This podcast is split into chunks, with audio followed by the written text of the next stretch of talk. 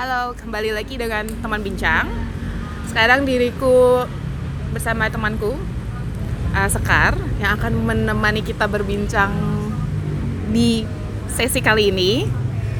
Um, aku khusus meminta Sekar untuk menemaniku berbincang karena aku tuh udah lama ingin banget bincang dengan salah satu temanku yang mungkin sudah ber bukan mungkin memang sudah berkeluarga untuk tahu gimana sih kehidupan mereka. Ya siapa tahu kan soalnya aku kalau nyimak di instastory postingan itu kayak sesuatu yang um, aku belum bisa untuk relate tuh tapi menarik gitu. Nah siapa tahu kan aku bisa tertular. Amin amin ya Allah. Nah untuk membuka pembicaraan nih um, aku tuh ya ingin yang lain juga tahu bagaimana kita pertama kali jadi teman. Oke. okay. Ingat nggak? ya di saking lamanya ya. Kita jadi teman nggak tahu kenalannya gimana kali ya selain si Powerpuff Girl Gang gitu. Yang kamu jadi siapa sih? Blas jadi Buttercup. Oh, Buttercup ya ya, ya. kamu Selain itu, apa? aku lupa. Ba- bubbles. Penting sumpah. Tapi intinya kita ketemu dari waktu SD habis itu SMP bareng juga teman les bareng. Malas bareng terus kita nggak ketemu lagi setelah berabad-abad lamanya terus kita ketemu cuma setahun Abad-abad. sekali kayaknya. Iya. Buka Tapi- puasa bareng. iya. Tapi memang mungkin yang namanya temen deket gitu ya udah bertahun-tahun nggak ketemu ketemu lagi udah kayak absurd lagi gini. Ya, ya. dan mudah-mudahan pembicaraan ke depannya ya, tidak absurd. Mudah-mudahan berfaedah ya teman-teman. Nah terus aku mau nanya. Em, bukan aku bukan mau nanya tapi lebih ke bagaimana dirimu memper- memperkenalkan uh, seorang sekar terhadap orang-orang lain. Kayak mungkin apa yang dilakukan mungkin sekarang sibuk apa terus anakmu berapa atau gitu gitu Halo teman-teman, teman bincangnya Dika yang mendengarkan. Semoga ini berfaedah ya untuk ke depannya. Karena kita juga nggak tahu dari tadi ngalor ngidul. Tapi ya eh, nama aku Sekar, Sekar Ayu Larasati. Biasa dipanggil Kare. Eh, sekarang umurnya no mention ya, Nggak usah. nggak usah. Alhamdulillah sudah sudah sudah memiliki pak suami, sudah punya kerucil dua, namanya Saka sama Safa. Eh, Saka itu umurnya tiga, tiga tahun lima bulan, Safa itu setahun dua bulan. Em, ya sekarang eh, sudah berjalan 10 tahun aku resign dan sekarang di rumah jadi full time mom. Anggap aja lah kantorku sekarang di rumah. 10 tahun 10 bulan Eh no no no no 10 bulan 10 Oh. bulan dari September 2018 kemarin Oke. Em, terus eh, sekarang berarti kegiatan dirimu tuh lebih diisi dengan apa? diisi dengan mandiin, masak, beberes Itu menarik loh. Iya, menarik sekali ya banyak sih masalah maksudnya hmm, itu konsekuensi ya setiap setiap hidup kan ada pilihannya dan setiap pilihan itu ada konsekuensinya sebenarnya saya memilih untuk jadi full time full time mom itu eh, dari zaman kerja. Enggak sih sebenarnya memang kalau dulu inget life planning waktu kuliah dulu kalau sekarang aku ngeliat lagi itu sih nggak ada di pikiran untuk jadi ibu rumah tangga. Oke. tapi memang akhirnya eh, menjelang abis lahirannya Safa terus ada drama pernenian yang kok nggak ketemu temu mbak yang bisa ya. Terus abis itu ya akhirnya karena resign itu menular. Jadi kebetulan jadi jadi kebetulan di kantor aku tuh waktu itu di ada dua orang yang resign juga karena drama mbak itu Ah. gitu. Jadi mereka tuh bingung mau jagain anak siapa dengan nyari nyari gitu kan. Sampai akhirnya eh, lucunya lucunya ada OB aku yang setiap gue istirahat nih di dia tuh nyetelin kajian tau gak sih? Kajian yang hukum menitipkan anak pada orang tua. Itu dia sengaja apa, apa pas aja gitu? Iya, enggak jadi eh, ketika aku pindah kan, jadi sebelumnya aku kan eh, aku bekerja di BNI. Di eh, terakhir itu dari Pondok Indah Office Tower pindah ke UIN. Nah di situ memang agak crowded dan lebih rame. Jadi at least aku pulang tuh mesti malam, abis maghrib baru bisa balik. Sedangkan suami aku pasti udah nyampe duluan gitu sedangkan kan kok kayaknya kon eh, job desk eh, ibu jadi malah kepegang sama suami gitu kan jadi di luar Ah, dari iya, job iya, desk iya. jadinya mereka nah terus eh, apa namanya ngobrol-ngobrol sama OB aku jadi dia memang udah agak lebih tua ya terus habis itu sangat agamis dan aku sering cerita sih iya nih anakku dua yang megang eyangku. Eyang berarti at least iut kan Ah. iutnya dia iutnya anak-anak. Itu tuh kayak itu tuh kayak aduh nggak etis banget ya seharusnya gitu loh. Sedangkan nyokap kan masih kerja ibu masih kerja ayah udah ris- udah udah pensiun sih. Cuman kan memang kondisi aku ngejaga cucu kan ya paling cuman eh, ya, ya jagain aja Iya, gitu. iya. nggak nggak setelaten seorang ibu atau seorang seorang uti kan.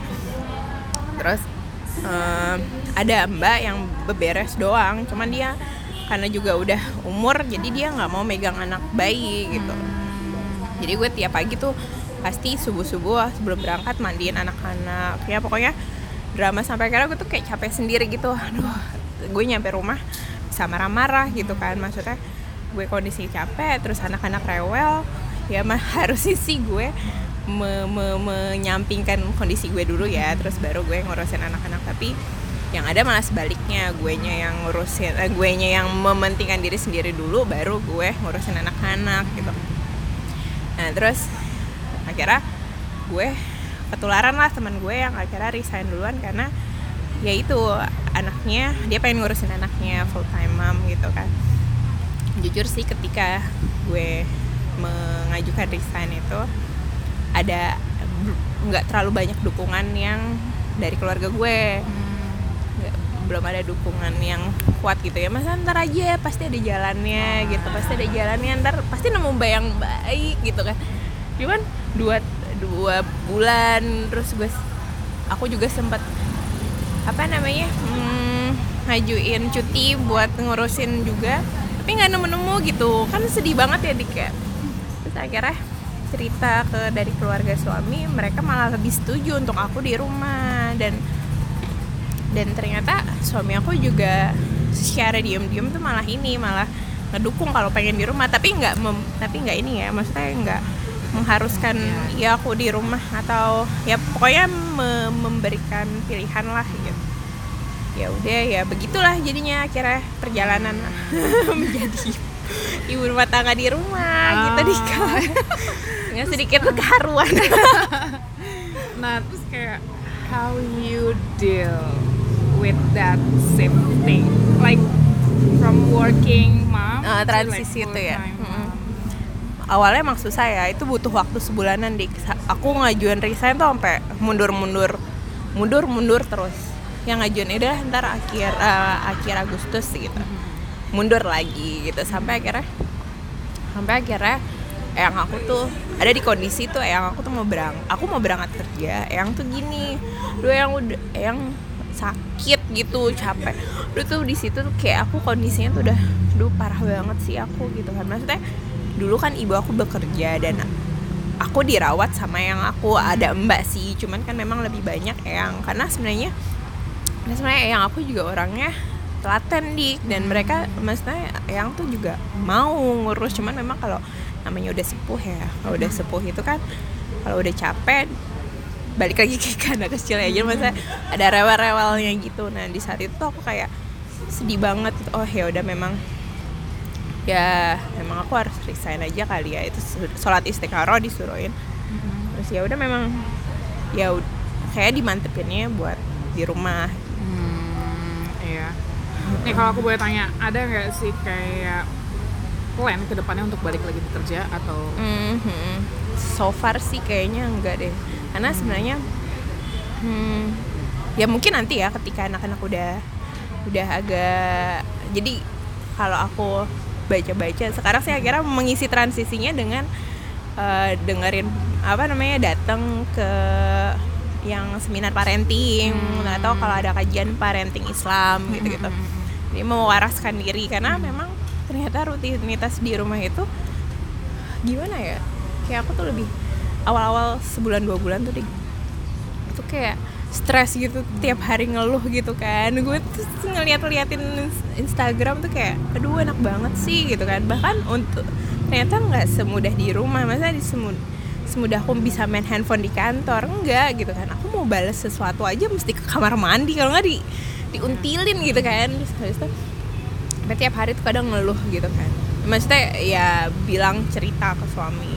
Terus kira suami aku juga bilang "Udah, coba di filter isi handphonenya gitu kan. Coba di unfollow yang Instagram nggak berfaedah gitu. Oh iya coba dah kamu dengerin kajian-kajian gitu kan. Oh iya oke.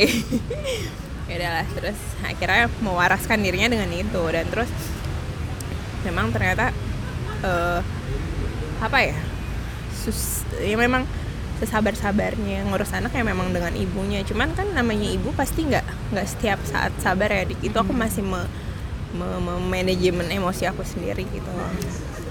Ya itulah kamu tahu kan ya soal inner child inner child itu berpengaruh ke pola asuh kita sendiri nanti gitu kan. Jadi kayak kondisi-kondisi tertentu yang misalnya an- hal sepele anak numpain air terus tiba-tiba aku responnya marah itu tuh ternyata berpengaruh dari inner child kita gitu kan. Akhirnya aku belajar soal inner child itu. Kayak gitu-gitu sih akhirnya berusaha mewaraskan diri. Iya sih. Nah terus kalau menurut lo seberapa penting dukungan suami kayak Mas Tri? Hmm. Maksudnya lo sebenarnya butuh lo kayak butuh apa sih dalam masa transisi atau mengambil keputusan? Maksudnya hmm, cuman diri lo doang atau lo butuh dukungan suami lo juga atau keluarga Iya. lo istilahnya? butuh dukungan banget sih karena aku tipikal orang yang gampang terpengaruh ya dik ya masa dan terus aku tuh kayak apa ya mungkin hal-hal sepele aja kok perlu nanya gitu ya eh, tapi saat itu sih aku jadi kayak mantepnya ya karena karena suami aku mendukung. Karena ya gimana ya maksudnya kedep ke depannya kan mungkin sahabat terbaik kita ya si pasangan itu kan. Ya udahlah kami ngedukung. Terus eh, dari keluarga ya insya Allah sih maksudnya keluarga aku sendiri insya Allah mungkin pelan-pelan juga akan akan menerima. Tapi yang aku ayah aku itu tuh mendukung banget support maksudnya karena mereka tahu kondisi di rumah Iya, kayak iya, gimana iya, gitu. Nah, terus tadi lo men- menyebut satu activity kayak apa tuh seminar parenting Iya. apa Itu em, selain activity datang-datang seminar ada nggak sih aktivitas lain yang akhirnya lo isi untuk mengisi waktu lo selain mengurus? Hmm, apa ya? Ya paling aku ikut karena nggak bisa ke mana-mana. Maksudnya sekarang-sekarang sih aku udah bisa ke mana-mana ya. Kalau dulu tuh yang bener-bener 24 jam di rumah, ya paling pergi-pergi kalau weekend. karena kalau kondisi bawa anak-anak tuh kayak have no idea. Maksudnya butuh waktu dua jam itu udah paling maksimal. Kalau nggak mereka akan tantrum atau apa gitu kan. Eh, aku oke yang membuat aku mewaraskan diri dari masa fase mengeluh sampai akhirnya aku bisa berdamai gitu kan berdamai dengan kondisi itu tuh karena aku ikut yang bengkel diri itu loh dik jadi Hmm, ada kuliah online Hmm. eh, apa namanya di situ tuh aku tuh belajar banyak jadi memang lebih ke eh, ada eh, apa sih kayak manajemen kerumah tanggaan, konflik, manajemen konflik, manajemen emosi, ngatur emosi kayak gimana. Terus bahkan ada materi dasar Islam yang akhirnya oh iya gitu kan. Mungkin aku nggak tenang gini karena mungkin aku belajar agamanya kurang gitu kan maksudnya. Oh ya, mungkin aku kurang basic dasarnya yang bikin aku kurang bersyukur. At least kan maksudnya setiap orang pekerja itu yang diimpikan adalah di rumah. Sedangkan ketika aku udah di kondisi di rumah, aku, aku malah banyak ngeluhnya gitu. Jadi akhirnya aku mulai berdamainya dengan itu. Ini nggak promosi ya. Memang kondisinya seperti itu. Ah, Oke, bengkel diri. Tapi lo, gue pengen tahu setelah lo menjalani ini dan setelah lo bisa berdamai dengan ini, ini tuh menjadi uh, sesuatu yang lo sarankan kepada ibu-ibu di luar sana, like working mom, especially because kayak kan ada tuh apa sih namanya perbedaan pendapat antara Iya. satu lain atau maksudnya kalau lo bisa beropini tentang working, uh, working mom atau full time mom itu Full-time mom. uh, kayak gimana? Maksudnya menurut lo? Uh, menurut aku pribadi ya karena setiap eh, setiap ibu setiap wanita tuh memang baiknya nggak saling menjudge ya. Kayak kita masalah hal kecil aja body shaming nggak boleh lah gitu kan. Karena kita sama wanita wanita kan kak ya. Terus kayak masalah sufor dan asi masalah eh, sesar dan normal masalah working da- working time dan working mom dan full time mom. Itu tuh pasti ada plus minusnya. Cuman memang eh, aku ada di posisi working mom yang sangat sangat apa ya sangat eh, sangat memiliki memiliki apa sih cita-cita yang eh, lebih tinggi at least maksudnya oh nanti aku mau jadi pemimpin segala macam gitu di di tempat aku bekerja. Cuman cuman memang eh, kondisi ya Ah. pada akhirnya kondisi yang bikin aku menyadari kalau memang eh, aku harus eh, balik haluan eh, apa balik haluan nih ke Ah. jadi working eh, jadi full time mom. Tapi ternyata memang eh, jadi ada kon ad- jadi ada ada aku dengar sebenarnya parenting gimana ya. Jadi memang kalau itu dia lebih ke islaminya. Memang baliknya gini sih dik. Baliknya dia eh, in- jadi eh, ayah itu setiap setiap bapak itu akan dimintai pertanggungjawaban keluarganya nah ibu itu akan dimintai pertanggungjawaban dari anak-anaknya gitu kan. Terus nah anak-anaknya itu gimana dirawatnya? Maksudnya eh, apakah apakah stimulasinya baik ataukah apakah pemenuhan gizian gizinya oke ataukah pendidikannya oke gitu. Sedangkan aku dulu waktu bekerja tuh mikirnya adalah aku eh, banyak mengumpulkan uang biar nanti aku bisa nyekolahin anak ke sekolah yang bagus gitu. Kan tanpa aku tanpa aku akhirnya eh, nggak memikirkan stimulasi yang lebih maksimal gitu. Mas saya eh, ngajak ngobrol segala macam ya paling sore ya paling malam atau weekend kan. Ternyata di masa 0 sampai 7 tahun itu golden age itu itu tuh penting kita ada di samping anak-anak karena kayak apa ya itu tuh kayak momen yang mereka ngerekam banget yang otak mereka tuh nge ngeresep banget gitu loh dik. Jadi akhirnya aku baru nyadar pas udah di rumah maksudnya ketika udah di rumah kalau oh iya ya alhamdulillah aku masih masih masih dikasih waktu dan nggak terlalu telat lah walaupun di di usianya Saf, Saka yang udah tiga tahun kayak gitu. Hmm, Oke. Memang sih kalau gue sebenarnya gak gitu suka istilah like working mom versus Iya, full time. ha. Karena like semua orang full time. punya Atau- iya ya. Dan mereka memang memang mungkin approach-nya atau goals-nya beda sih. Jadinya Iya. apa yang apa maksudnya kayak kondisi juga. Jadi keputusan yang diambil tuh juga beda satu sama lain. benar Gue juga nggak tahu kenapa orang meributkan iya berapa Bener, mahal. bisa. gue takutnya oh nggak masih ada. nah terus hmm, hal serius lain. Oh ya, oh, gue nggak tahu sih ini hal sensitif apa enggak. Aha. Apa gue orang yang nggak peka. Cuma lebih ke lo kan dulu biasanya dapat income sendiri. Iya. Let's say, let's say uh, kita kesampingkan Ada dari income dari suami lah. ya. Hmm. Nah, terus lo ada gak sih kayak eh, karena lo tidak bekerja, lo jadi kayak mencari hal lain untuk Iya. mendapatkan income itu atau lo kayak ayo udah Ayo, bodo udah." amat gitu. tapi bener banget loh dik maksudnya memang banyak aku ikut di grup grup apa namanya eh, adalah kayak parenting gitu kan. Jadi mereka baru minggu lalu mem- me- menanyakan jadi ada yang nanya aduh ini mau resign nih karena suaminya dinas gitu kan. Tapi gimana ya? gitu kan. Ya beruntung eh, maksudnya eh, beruntung sih aku tipikal yang mungkin nggak terlalu menyadari. Maksudnya nggak terlalu aduh gue mesti gue mesti earn money segini nih sebulan Ah, nih gitu kan iya. tapi ketika akhirnya gue nyam eh, udah di rumah Heeh. memang ada hal missing ya maksudnya Heeh. mungkin setiap bulan gue dapat berapa berapa juta gitu kan Hmm. masuk ke payday masuk ke eh, rekening cuman ketika di rumah ya mm, ya alhamdulillah gitu maksudnya memang ada yang bilang ketika kamu meninggalkan sesuatu demi hal baik Mm-mm. demi Allah insya Allah eh, insya Allah akan diganti dengan yang lebih baik. Dan ternyata dan ternyata eh, alhamdulillah setelah dua bulan aku resign ternyata aku bisa ada rezeki punya rumah sendiri. Terus alhamdulillah bisa misah kan. Berarti kan secara secara nggak langsung eh, tekanan mungkin yang di luar-luar itu agak lebih mereda. Terus eh, alhamdulillah aku bisa fokus em, ini bikin syamilknya itu. Walaupun sereceh sereceh receh masuk rekening tapi ternyata lucunya itu lebih bertahan lama di, di dalam rekening aku dibanding ketika aku 25 masuk gaji. Nanti awal-awal bulan tuh kayak udah habis gitu aja padahal gue nggak ngegunain buat apa-apa gitu kan.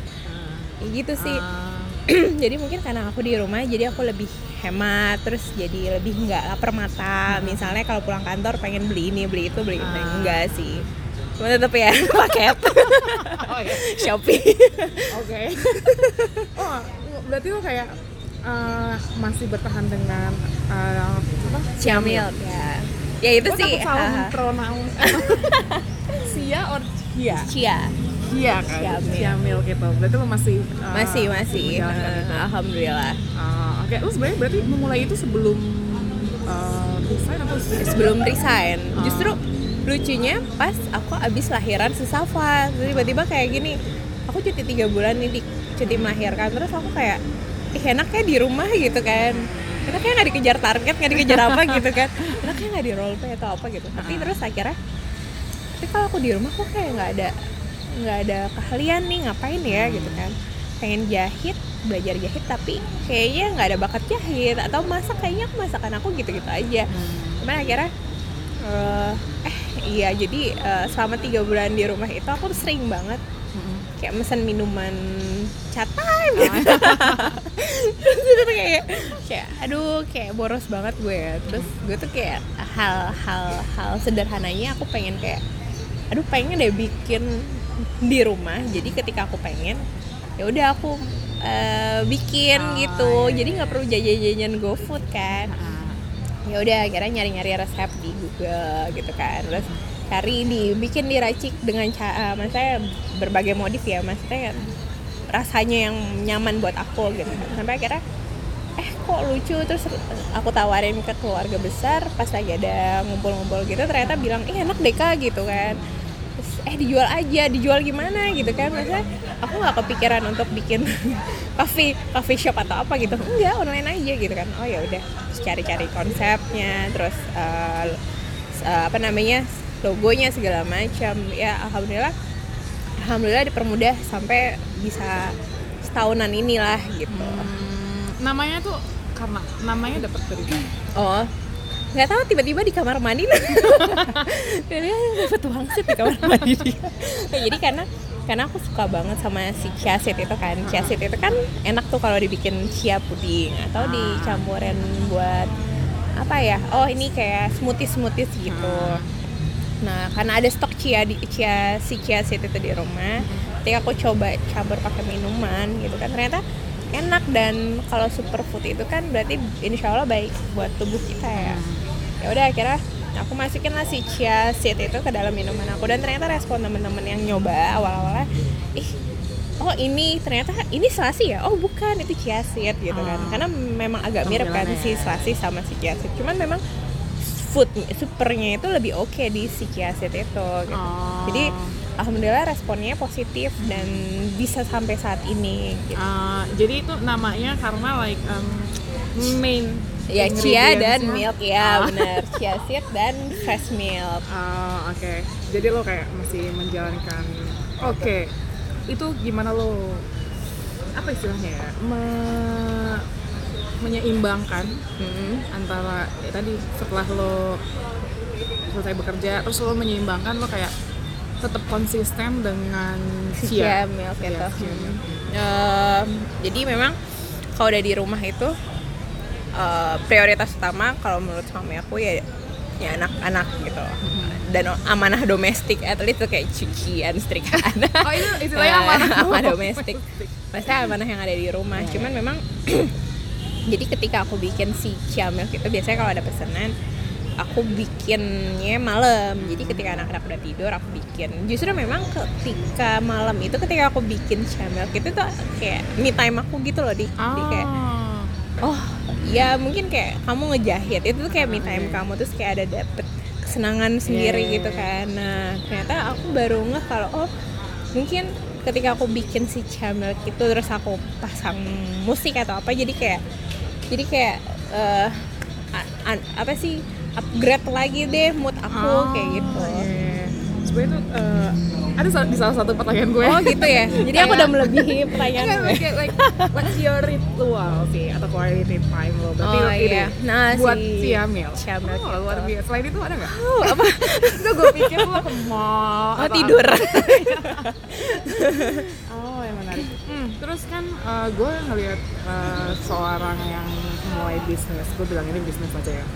Itu lebih ke em, bu- em, bukan lebih ke, gue lebih tertarik ke bukan kayak seberapa besar network yang dia dapat Mhm. sih. Gue lebih tertarik kayak apa sih yang lo dapetin setelah lo beneran berkecimpung di dunia bisnis Hmm. istilahnya kalau gue bisa baru menyebut ini bisnis dan uh, itu membuat lo tertarik untuk ke bisnis yang lain gak sih? Oh, alhamdulillah sih. Jadi memang gini dik, baru.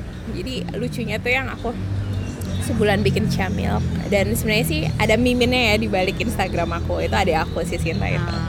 Jadi miminnya tuh si Sinta itu. Dan yang namanya anak milenial kan lebih explore ya apa pun. Sampai akhirnya aku em, masuklah ke waktu itu acara net di pagi-pagi itu kan. Pagi-pagi sama teras sore di El Sinta TV itu. Itu sih kayak kebetulan yang betul ya. Maksudnya kayak alhamdulillah banget kok bisa ya? Gitu kan. Sampai akhirnya masuk ke acara itu dan alhamdulillah banyak yang memesan dari luar sana gitu. Dan eh, salah satu hostnya itu si Andre Taulani sampai saat ini masih sering kontek-kontekan buat kalau ada event misalnya acara keluarga di rumah. Suka mesan karena rumahnya kan deket di Bintaro sini. Dan aku sih ngerasa kayak oh ini jalan rezeki gitu kan. Jadi kayak oh ternyata setiap orang eh, setiap pilihan tuh ada rezekinya masing-masing aku bilang gitu kan. Eh, nah dari jalan rezekinya si Andre Taulani terus ada beberapa yang lain juga yang memesan ke aku dari eh, beliau tahu eh, tahu dari misalnya dari Bang Andre itu atau dari teman-teman juga yang pesan Eh, sebenarnya sih yang aku ambil dari usaha ini aku belajar bisnis ini eh, ya memang setiap apa pun yang kita jual itu pasti ada pembelinya. Apa pun yang kita kerjain itu pasti ada yang minat gitu kan. Mau sekecil hal apa pun lo jual es batu juga ada yang minat gitu istilahnya gitu kan. Terus eh, nah yang aku ambil memang bukan untungnya ya Dik ya karena untung rugi itu relatif ya maksudnya kadang mungkin menurut kita itu untung tapi menurut hal lai- eh, orang lain mungkin itu belum untung gitu kan. Tapi aku lebih menikmati ketika ada orang yang orang bilang minuman aku enak gitu eh enak deh sekar gitu kan. Terus aku ntar pesen lagi ya gitu. Jadi aku kayak ada kepuasan batin gitu jadi kayak oh ya Allah alhamdulillah gitu kan. Maksudnya eh, ternyata nggak cuma sebatas dari eh, berapa berapa berapa puluh eh, ribu atau berapa ratus ribu yang masuk ke rekening aku. Tapi dari lebih dari ketika orang ngerasain manfaatnya ketika orang bisa seneng sama minuman aku sampai repeat order beberapa kali itu udah kayak ya udah udah alhamdulillah aja gitu. Oke, terus kalau ada rencana expand, nah nah jadi tuh pengen banget ya di kayak aku pengen banget tuh ik- nge-baking baking ya hal kecilnya aku pengen belajar baking dulu lah gitu. Instastory lo kemarin lo kayak nah itu. belajar. jadi dari itu Ah, oke, si jadi kan karena aku bikin almond milk ada Ah. si almond pulpnya itu. Almond pulp itu kayak ampas almond Oke. Nah itu tuh bagus banget ternyata untuk uh, para vegan atau para para teman-teman di luar ya sana yang udah udah lebih clean eating, yang udah Ah. lebih mengurangi gula, apa namanya gluten segala macam. Dan memang ketika uh, karena aku belum ada basic untuk baking dan temen aku si Angel itu Angel. SD, eh, teman SD Oh iya. kan dia mualaf ya dan Oke. uh, jujur ya aku ikut-ikut kajian itu karena dia yang nyemangatin. Ayo kar ikut-ikut gitu. Sedang aku nggak belum ada kepikiran Serius? untuk membawa kerucil datang ke kajian ya. Ah. sampai akhirnya aku malu ya.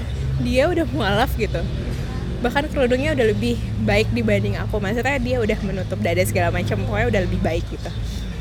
Sedangkan eh, kita yang masa aku yang dari dulu udah udah udah udah belajar agama Islam tapi kayak belum me- mengaplikasikan secara baik gitu kan. Nah akhirnya ketemulah secara secara secara secara skenario lah sampai akhirnya aku bisa temenan lagi terus dia ngajarin aku bikin ya itu sih eh, apa almond pulp brownies itu terus menarik. dan dia kan memang basicnya tata boga dan sempet sekolah eh, kayaknya sempet di kayak pariwisata gitu deh oke jadi memang udah udah basicnya pinter pinter baking gitu sedangkan gue apalah remahan dan di situ ternyata ya akhirnya dapat ketularan ilmunya Ah, iya. gitu pengen sih pengen sih ke depannya bisa belajar baking bisa bikin syukur-syukur bisa mengeluarkan pastry vers- eh, dengan dengan apa namanya dengan pendampingnya si Chamilk itu tapi Ah, dengan yang iya. sehat atau gimana gitu menarik menarik iya itu juga pengen seru banget sumpah seru banget. Nih eh sumpah ya cuman lo kayak hmm, gue lagi tertarik dengan yang namanya kayak law of attraction. Kadang tuh gue agak suka blurry gitu loh kayak gue maunya apa. Jadi lo ketika lo meditasi gue mendapatkan kayak gue tahu maunya apa dan ternyata entah kenapa yang law of attraction itu Aha. lo tuh diikuti dengan uh, misalnya bukan hidayah kayak petunjuk gitu ya? Ya ya kayak ah, sebenarnya tuh udah ada di sekitar lo cuman lo Oh, nggak gitu. aware dengan iya itu. memang nggak peka kan karena kita lo kayak ini nggak tahu apa yang lo mau misalnya kayak Benar, gitu loh jadi tapi ketika lo sadar apa yang lo mau Hah? atau apa yang lo niatkan untuk Heeh. itu lo jadi kayak dapet uh, dapet info atau dapat itu dari mana oh ya Jalan. ketika kita mau eh, kita kita membutuhkan sesuatu semesta mendukung gitu Ya, istilahnya kayak gitu lah tuh kayak gampangnya itu Iya. walaupun sebenarnya tuh udah ada kayak berceceran di sekitar Iya lo sih, cuma iya, itu iya, gimana kayak lo aware dengan itu sih pengen tahu ini lebih kayak uh, trivia question lebih ke hal general. Gue pengen tahu nih gue tuh tadi baru pertama kali ngeliat si Syafa. Yang udah besar maksudnya. Gue kan terakhir ketemu langsung. Dia pas habis lahiran iya ya habis lahiran dan sumpah, dia lovely banget. Karena dia tuh diem. Iya dia tiba-tiba tuh dia tuh mau sama orang tuh mau tahu tapi benar tadi kan dia diem kan. Hmm. terus tiba-tiba dia senyum yang anjir. Mungkin yang Meleleh ya? gitu. tapi like beneran. Terus uh, mungkin gue pengen tahu menurut lo dari Sa- uh, Saka Saka dan Safa. um, mereka mirip lo like physically di mana? Terus sifat yang mana?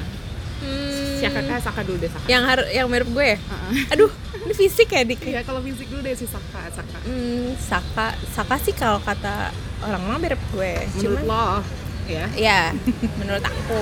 Apanya yang mirip banget. Mirip ya. Jadi jadi aku sama suamiku lebih manjung suamiku. Nah oh jadi? Jadi sebenarnya mungkin em, apa namanya hidungnya lebih mirip aku. Terus kalau sifatnya Saka oh, sifat. Enggak kalau kalau sifatnya sih mereka lebih kayak mirip so- eh, si Master itu. Mm-mm. Eh, lebih lebih lebih apa ya? Jadi Saka itu tipikal yang kalau anak itu dia nggak kinestetik kalau kinestetik tuh ketika dilepas dia explore ke mana-mana naik turun tangga segala macam. Dia tuh dikasih Lego udah main Lego gitu. Hmm. Dia tipe yang detail. Nah sedangkan suami aku tuh tipikal yang detail juga. Eh, kalau Safa itu tipikal yang apa ya sensitif juga. Apa mungkin karena tanggal lahirnya beda sehari sama suami aku ya. Jadi kayak menurut aku dia juga mirip sama suami aku. Dia mungkin fisiknya doang mirip sama Oh gitu. Siapa tahu dia lagi ngapain terus kayak anjir gue banget gitu. Maksudnya Oh, kayak gitu ya belum sih Dik. soalnya selama ini kegiatannya cuman merecok-recok aja Masa gue bilang itu anjir itu gue banget itu sama kayak waktu lo posting Insta story gue ingat banget gue komen abis itu yang lo minta tolong si Safa untuk bantuin. oh iya Ini itu cuma lucu banget Itu gue bilang anjir itu gue banget. itu loh banget itu gue banget. ya ah, jadi memang yang aku tangkap ya di akhirnya eh, memang benar sih kayak di golden age itu dia mereka di 0 0 sampai berapa tahun ya kayaknya masih kayak bati, batita lah.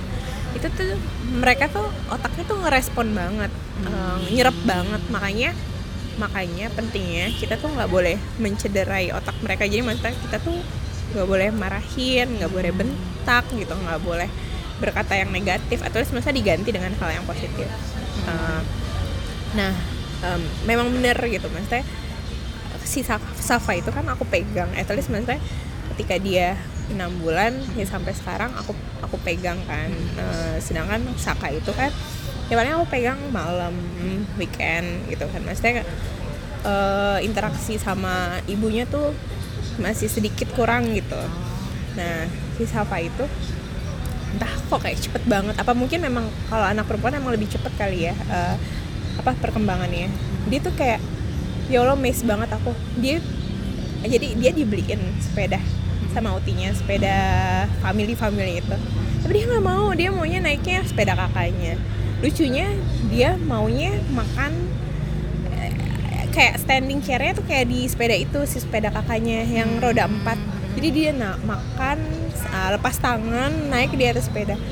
Jadi maksudnya ya Allah gitu kan Eh, nah di hal-hal yang hal-hal yang bikin aku mes itu yang akhirnya aku kayak merasa mensyukuri mensyukuri apa pun ya. Kayak dia bisa diminta tolong buat naruh ke mesin cuci terus habis itu naruh ke tempat baju kotor atau bahkan kalau aku cuma bilang dek tolong buangin ke tempat sampah dia ngerti gitu kan. Maksudnya kayak ya Allah. Nah, memang hal-hal missingnya kadang aku suka. Ya namanya namanya kadang kita capek lapar kurang tidur misalnya kayak gitu tuh kan emosi ya di kayak moodnya nggak enak nah mungkin kadang-kadang aku suka hilaf juga gitu kayak suka marahin. Cuman saat itu aku baru inget lagi oh ya jangan sampai dia ngerekam hal yang buruk karena itu bisa jadi inner childnya dia gitu. Oh, oke. Menarik. Kok jauh ya? Panjang banget. Itu menarik. Ternyata kayak memang mungkin karena gue belum menjadi ibu gitu kali ya jadi kayak ah, kadang gue tahu itu berat cuman gue tidak menyadari itu berat. Ngerti nggak sih? Ah, like secara pikiran gue tahu itu sulit gitu jadi bukan jadi nggak sulit sih mm, challenging gitu jadi Hmm. seorang ibu cuman gue nggak belum begitu kayak sesulit apa sih kayak gitu karena gue belum Hmm. mengalami ternyata memang dari penjelasan loh itu cukup tapi itu bisa jadi bekal lo nanti nih. Oh, iya, iya. jadi pertama kalau dulu aku pernah eh, ikut eh masih oke Masih. masih ikut eh, pernah ikut keluar parenting yang soal inner child. Jadi inner child itu penting. Bahkan kalau bisa di healing sebelum kita menikah atau punya anak. Karena itu bakal berpengaruh lebih besar ketika kita tuh udah punya anak. Oh itu biar taunya gimana? Tadi jadi gini dik. Eh, bahkan di bengkel diri itu yang level 2 aku dapet materinya. Makanya aku tuh kayak semangat banget gitu kan kayak menemukan inner child kita membangkitkan inner child kita terus menghealingnya me- menyembuhkannya itu gimana. Jadi kadang kan ada eh, inner child itu kan apa ya hmm, sisa masa lalu ya. Biasanya ketika kita masih kecil entah itu kita eh, ada kenangan baik atau kenangan buruk lebih banyak sih karena kenangan buruk gitu kan. Kenangan buruknya sebenarnya kita gini ya hal yang nggak penting aja tapi kok kayak masih kerekam gitu. Kayak misalnya aku dulu pernah yang keinget ya kayak waktu TK eh, karena ibu aku ibu bekerja dan alhamdulillah aku ya I love my mom gitu kan. Whatever she is gitu kan. Cuman eh, dulu aku pernah kondisi eh, kondisi aku TK TK terus habis itu ada kayak pentas seni gitu. Dan kebetulan orang tua aku eh, ibu aku berjanji untuk datang tapi ternyata nggak bisa datang. Ya sebenarnya sih memang aku tahu itu nggak bisa datang. Cuman memang namanya anak kecil ya kalau udah dijanjiin. Dan itu penting ternyata kita tuh nggak boleh bohong hal sepele ke anak kita. Takutnya mereka tuh ya itu ada rasa kecewa gitu kan. Terus habis itu entah ya itu kayak masih aku kayak masih ngerekam di aku gitu. Jadi eh, kadang ada secara nggak sadar ketika kita marah atau apa tuh kita kayak menyalahkan seseorang gitu. Walaupun sebenarnya nggak ada orang tua yang jahat nggak ada. Mereka mereka selalu memberikan yang terbaik untuk anaknya. Cuman kan ada hal-hal yang dulu mungkin orang tua belum tahu. Para makanya ilmu kan berkembang terus nih. Kita kita lebih banyak mengetahui tapi kan ya gimana orang tua kan sudah me- menjalankan sesuai yang terbaik menurut dia kayak gitu Oh, oke. Iya, iya, iya. iya. Terus gue pengen tahu apa yang menurut lo beda dari diri lo setelah lo menjadi seorang ibu ya ya apa ya alhamdulillah sih mas saya mm, lebih aku jadi lebih lebih bersyukur aja terus lebih lebih lebih memikirkan sih mas saya kalau aku ngelakuin hal ini efeknya ke mana nih gitu kan. Misalnya kalau aku memilih ini nanti feedbacknya apa nih gitu. Jadi maksudnya apa pun yang aku lakuin kalau kita dulu denger apa kata orang dulu ya yang kita tanam sekarang itu nanti eh, yang dapat hasilnya anak-anak kita gitu kan. Tapi ternyata memang iya kalau kamu berbuat baik sama orang saat ini mungkin nggak saat ini langsung dibales tapi bisa jadi hal-hal yang lain misalnya suatu masa ketika anak kamu atau kamu ada di kondisi yang di masa mendatang kamu tuh kayak aduh alhamdulillah banget nih gitu. Kayak kalau orang dulu kan bilang eh kalau orang Jawa bilangnya dilalah ya. Cuma dilalah gitu gitu kan.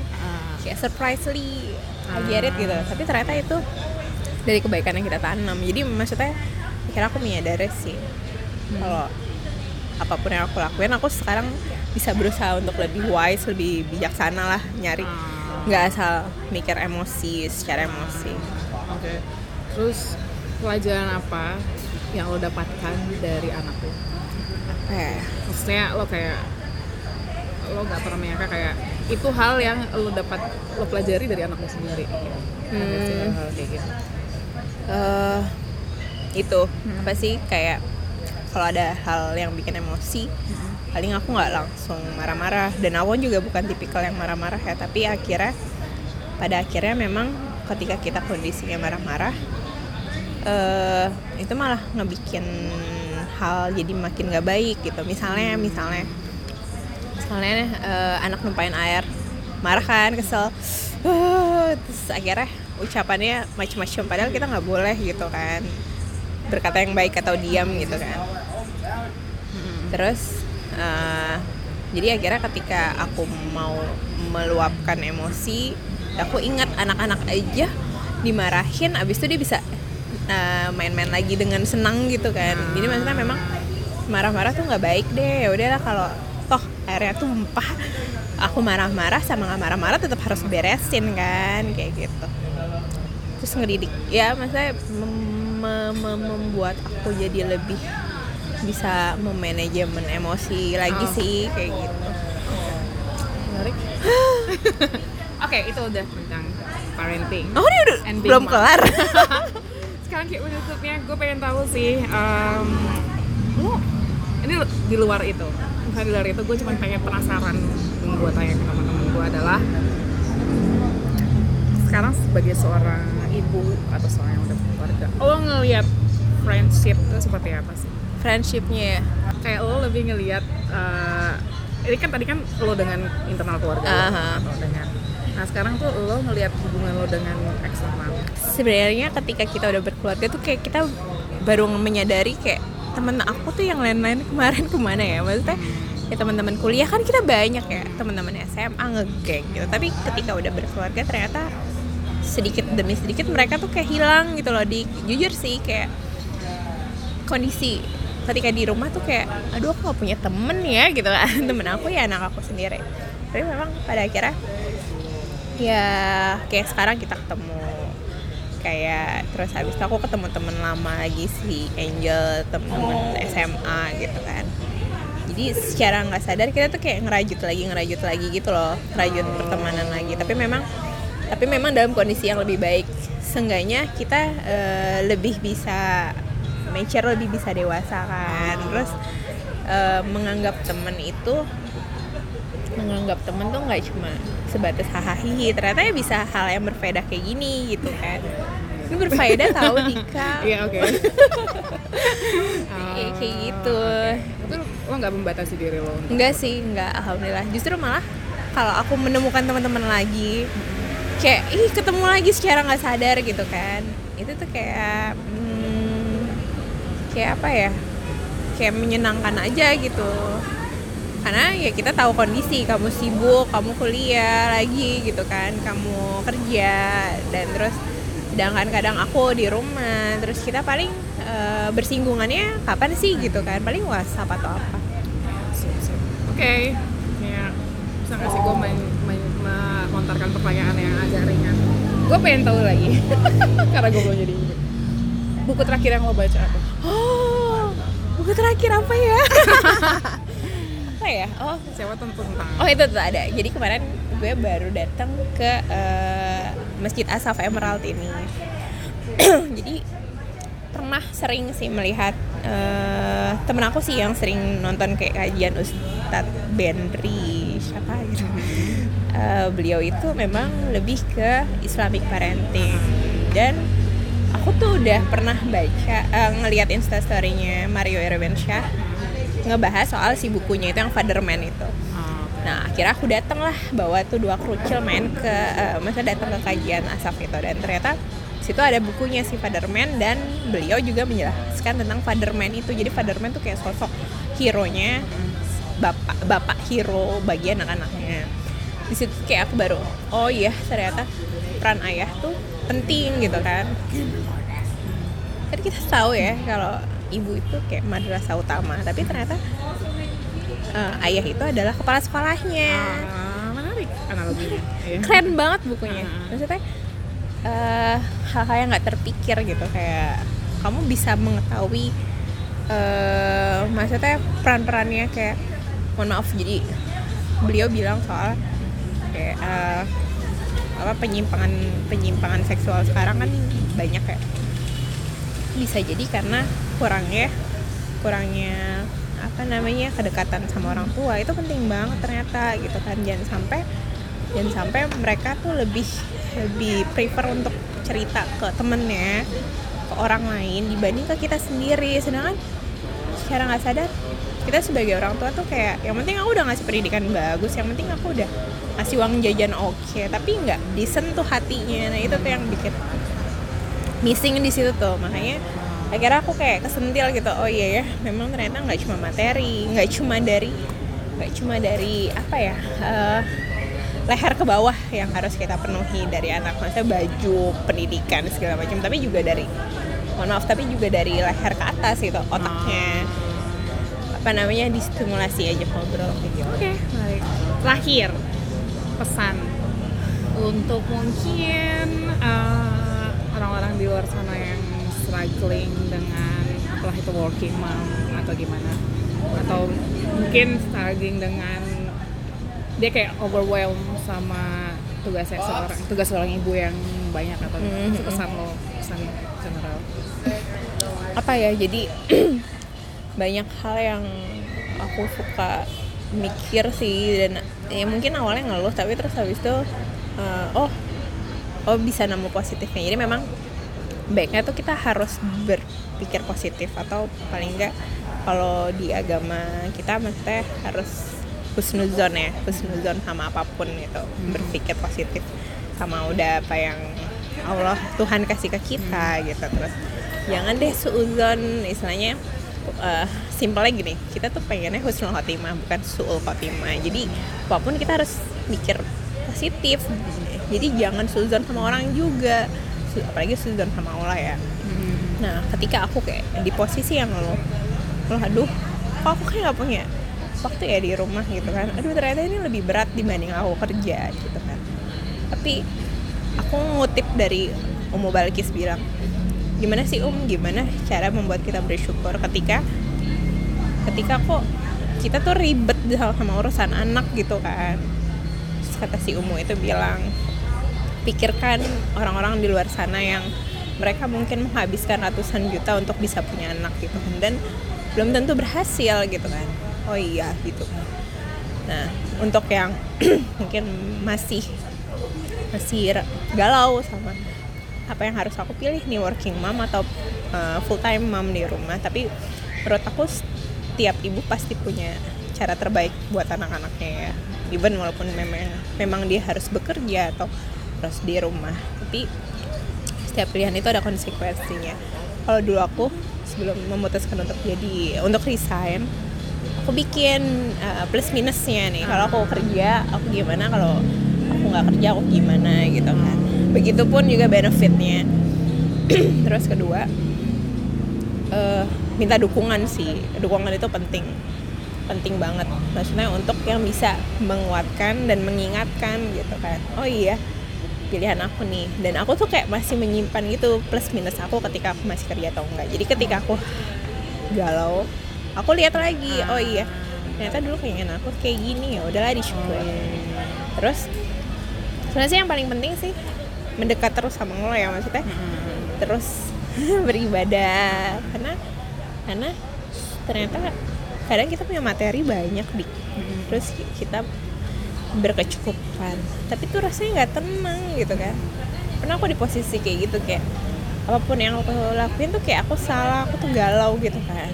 Nah, ternyata memang mungkin aku salatnya kurang on time terus aku mungkin jarang sedekah atau mungkin eh ternyata ketika ketika kita berdoa lagi lebih lama gitu kan. Eh ternyata ya itu kamu bilang dapat petunjuknya tuh sebenarnya banyak di kanan kiri kita cuman kitanya aja yang mungkin masih belum dikasih mata yang lebih tajam buat ngelihat kayak gitu. Menarik. Sumpah. Jadi deg-degan karena memang poin yang kedua apa misalnya kalau ketika lo ada masalah dan memang lebih mendekatkan diri I don't know somehow eventually. Tiba-tiba dateng gitu kan. Nah, iya lucu ya. sih cuma memang kenyataannya seperti itu sih. iya benar benar banget. Oke. Oke, thank you banyak sekarang iya. Dika Sampai bertemu di perbincangan berikut ya. baiklah assalamualaikum